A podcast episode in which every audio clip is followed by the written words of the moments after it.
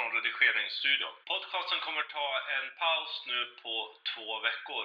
Sara är på Teneriffa, jag åker till New York, precis som vi berättade i podcasten. Och helt enkelt så får vi spela in vår första podcast när vi båda kommer hem. Så två veckor, inga podcasts. Den enda som kommer vara glad för det är ju såklart Eva Ernfors. Det kan vi bjuda på. Ha det jättebra, så hörs vi igen om ungefär tre veckor. Två veckor, tre veckor, två veckor, tre, tre veckor, två veckor, två veckor blir det.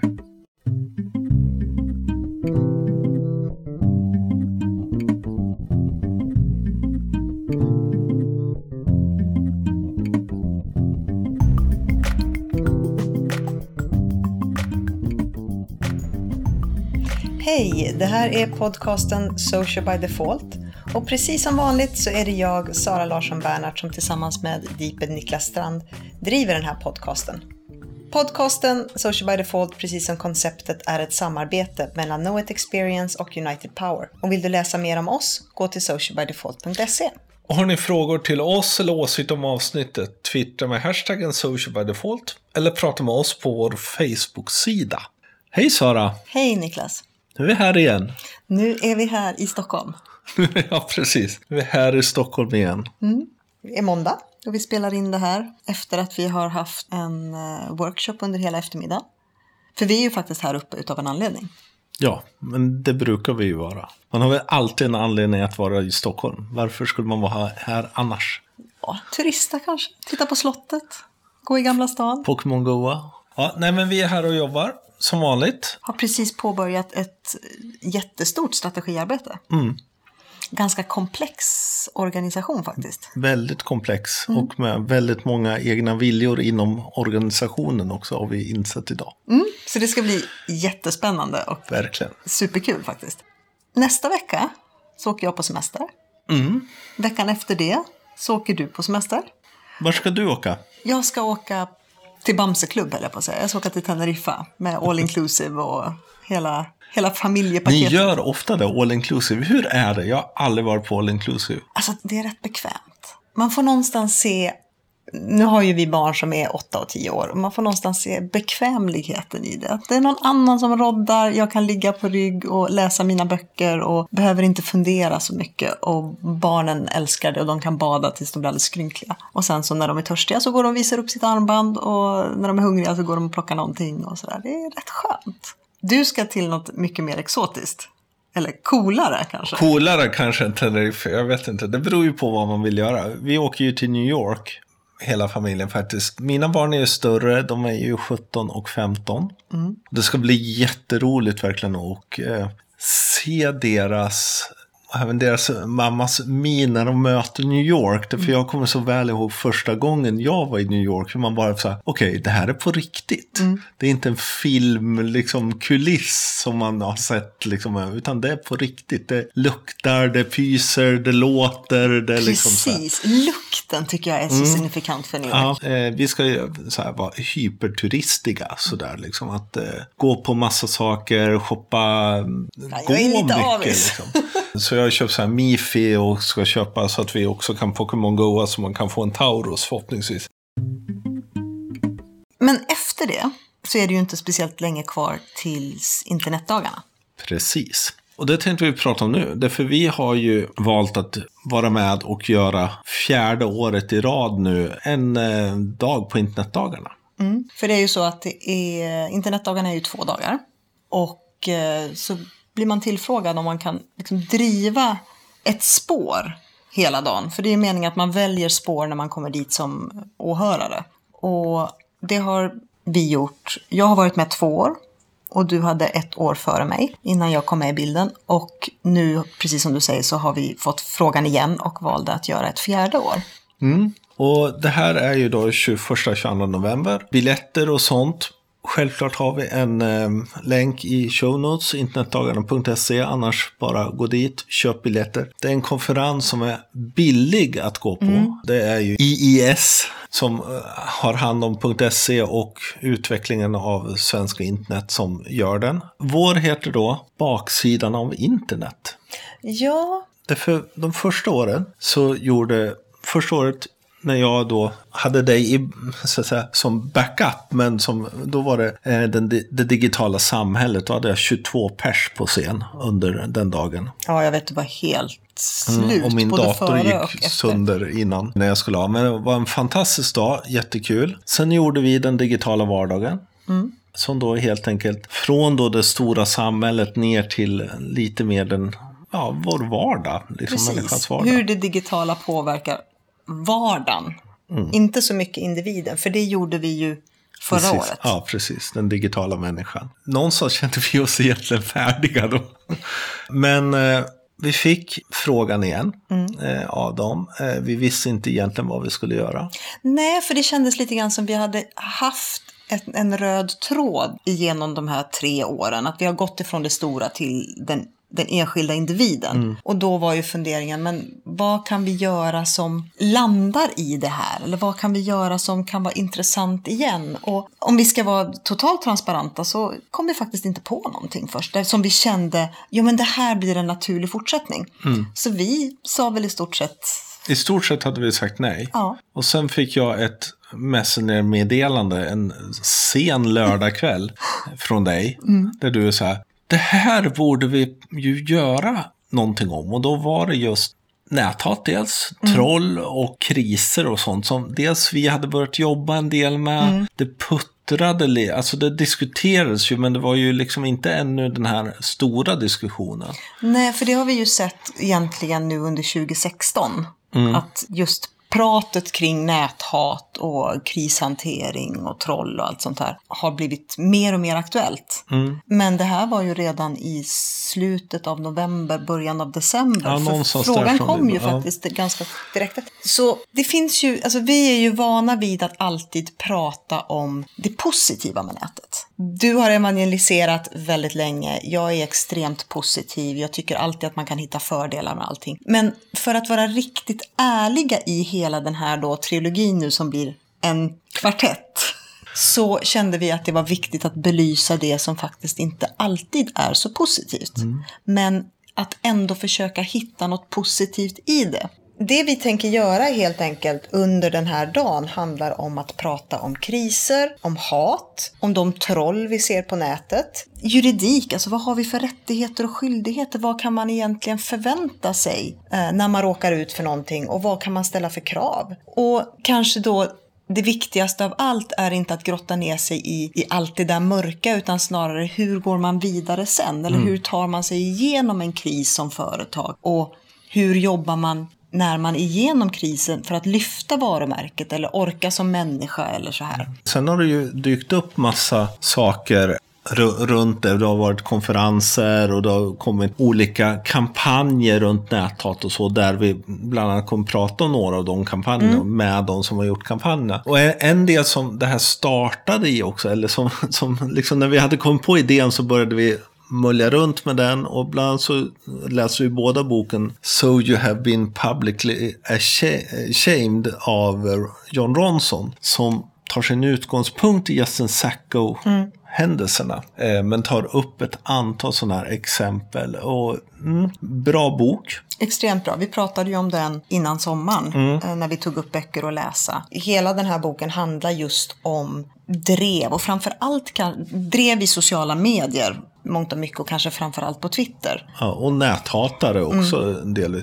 Dels tar vi utgångspunkt och vi kommer göra en inledning där vi väl tar en del av de grejerna för att det finns en fantastiskt bra Citat. modell och ett antal citat. Jag menar, jag kommer ihåg Justin Sacco-händelsen. Jag så att säga, var, var väl säkert med i en del av det. Sen tyckte jag det var intressant att titta på det också, hur det, för det var ju en viral spridning i det som var en ganska fascinerande rent hur, hur det skedde så snabbt. Och gentemot en då person som eh, inte hade speciellt många följare, inte var speciellt egentligen känd. Men jag menar, både du och jag har ju varit på nätet ganska länge. Du har ju varit där sedan jag föddes ungefär, känns det som.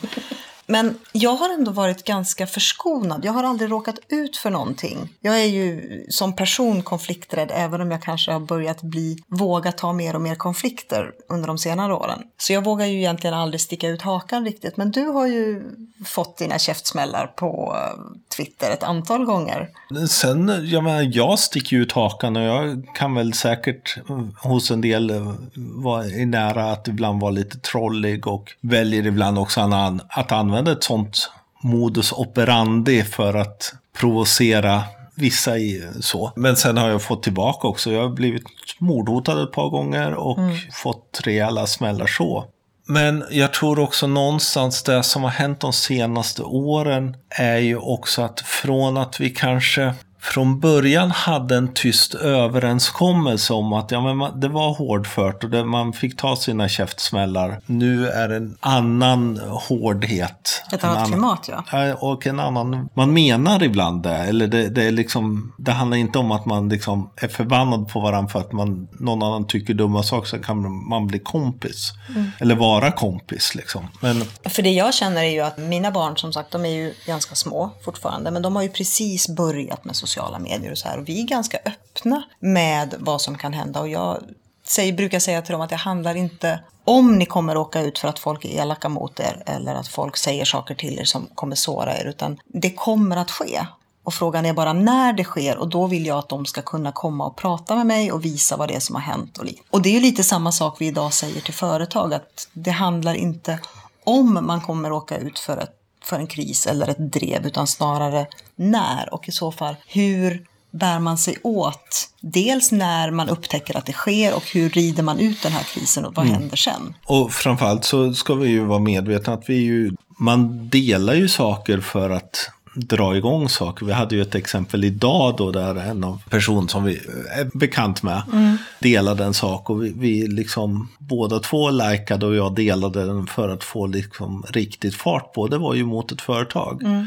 Och de insåg ju plötsligt att det här kommer inte bara försvinna. Nej. Och det är ju lite grann eh, det man får vara medveten om. Jag menar i ditt fall som, som har så otroligt många följare på Twitter och har följare med starka nätverk. Jag menar, du vet, du står ju i en avvägningssituation där du vet att om jag delar det här så finns det möjlighet att det får mycket större spridning än vad det har. Mm. Och då frågan, ska jag dela eller ska jag inte mm. dela? Och det där är ju en diskussion man får ta om makt. Mm. Eh, vilka är dagens makthavare? Mm. På det sättet. Jag menar, om, om, vi ska vara lite krass, liksom, vad, vad är det starkaste påverkan i till exempel Niklas Svenssons fall? Är det när han skriver något i tidningen eller när han delar det på Twitter? Det är ju inget speciellt svårt svar egentligen.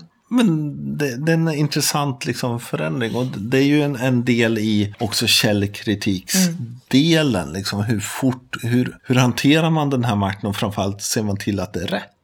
Och det vet jag vi hade en diskussion om förra veckan när eh, Backa Tova kom mm. upp på Twitter. Tova Helgesson som är en ganska stor vloggare som hade råkat ut för någonting och då var det en annan väldigt stor vloggare som tog upp det. Jockiboi. Precis, jag visste inte om jag skulle säga det utåt. Som tog upp det i sin YouTube-kanal. Och här är ju också frågan, vet de om vilken makt de har? För det som då hände var ju att det blev ett drev mot den här personen då som hade varit elak mot henne. Mm. Och vilken källkritik fanns det där? Eller vem var det egentligen som stod för den riktiga sanningen? Mm. Och där fick vi inte, vad jag vet, nu har jag inte kommit med, med någon mediagrej, men det är ju ganska typiskt att en sån grej skulle kunna börja dyka upp i media och därmed få ytterligare spridning Precis. i sociala medier. Mm. Om vi tar då vad, vad, vi ska göra lite snabbt och vad som ingår under dagen. Mm. För vi vill ju självklart att du, om du ännu inte har anmält dig, att du ska komma på vår dag själv. Sen finns det jättemycket bra innehåll på Internetdagen. den dagen och dagen innan. Men, men vi idag kommer börja med att prata om näthat. Är det en myt eller verklighet? Det kan ju tyckas som en jättekonstig rubrik, men väl värt att titta på. Ja, men vad handlar det om egentligen? Mm. Och där har vi ju bjudit in två stycken fantastiska talare. Elsa Dunkels, som har varit med oss förut, som eh, är specialist på det här ämnet och kommer helt enkelt prata och ge oss en bild av vad näthat är och vad kanske inte är näthat. Hon är ju framför allt extremt duktig på unga. Och sen kommer Jonny Lindqvist som är alldeles ny kommunikationschef på Myndigheten för ungdoms och civilsamhällesfrågor. Och har jobbat med Statens medieråd, jobbat med ett antal olika sådana kampanjer. No Hate-kampanjen var ju den senaste som de drog igång som var riktigt stor och väldigt, väldigt bra. Precis, och han kommer ha med sig två personer som då har jobbat med de här kampanjerna. Efter att vi spelade in podcasten så kom Jonny tillbaka och berättade att de som kommer med honom och pratar om näthatkampanjer så är dels kommunikationschefen från Telenor och marknadschefen från Telia. Vilket gör att det kommer bli otroligt spännande och läs mer om dem på internetdagarna.se på baksidan av den digitala vardagen. Så det är liksom starten på dagen. Och så diskuterar vi och pratar runt det. Sen så kommer vi prata om att vara utsatt. Alltså de som faktiskt har drabbats av näthat. Prata med dem hur det känns att leva mitt i det här. Men framförallt också hur går man vidare? Hur hanterar man om man hamnar på Flashback och får trådar? Och hur hanterar man när man personligen råkar ut för, för troll? Där kommer det vara två faktiskt journalister kommer. Det har varit svårt att få människor att vara med här. Vilket kanske inte är så konstigt. För det är känsligt och man, många är ibland rädda också för att, så att säga, råka ut för det igen om man mm. börjar prata om det. Men eh, vi har två bra personer som kommer med. Anna Gullberg och Anna Erlandsson. Här är ju tanken att någonstans ändå berätta hur det är och hur de har hanterat det. Mm. Och vad det har fått till följder. Och sen då så kommer eh, äntligen, jag har försökt få med honom under tre år, Mårten Schultz som är professor i civilrätt och väldigt vokal över att det ska vara lättare faktiskt att eh, anmäla och mm. få skadestånd för näthat. Han kommer gå upp i ringen gentemot Nils Funke som är specialist på yttrandefrihet och de frågorna. De är vana att fightas mot varandra och de kommer helt enkelt prata. Vad borde man göra och samtidigt vad finns det för faror med att faktiskt dra in och göra det mer juridiskt? Det kommer att bli väldigt spännande. Eh, de är otroligt fascinerande personer. Mm. Så jag kan säga att bara att se dem boxas lite kan vara värt biljettpriset. Sen någonting som vi också tar upp under dagen som kan vara intressant för alla er som arbetar med kommunikation på företag eller organisationer. Helt enkelt kommer vi få Jeanette Fors André som är specialist på krishantering och berätta om hur man ska tänka när man hamnar i en kris och hur man bör agera. Hon har jobbat med flera stora kriser. Hon har skrivit en bok tillsammans med Paul Ronge, Paul Ronge om just krishantering. Och och hon jobbar nu på Svenska Livsmedelsföreningen, tror jag den heter, som helt enkelt och, och hjälper då handeln att faktiskt hantera sådana här saker. Hon, hon, är, hon har doktorerat även i att, så att säga, jobba med kris på sociala medier.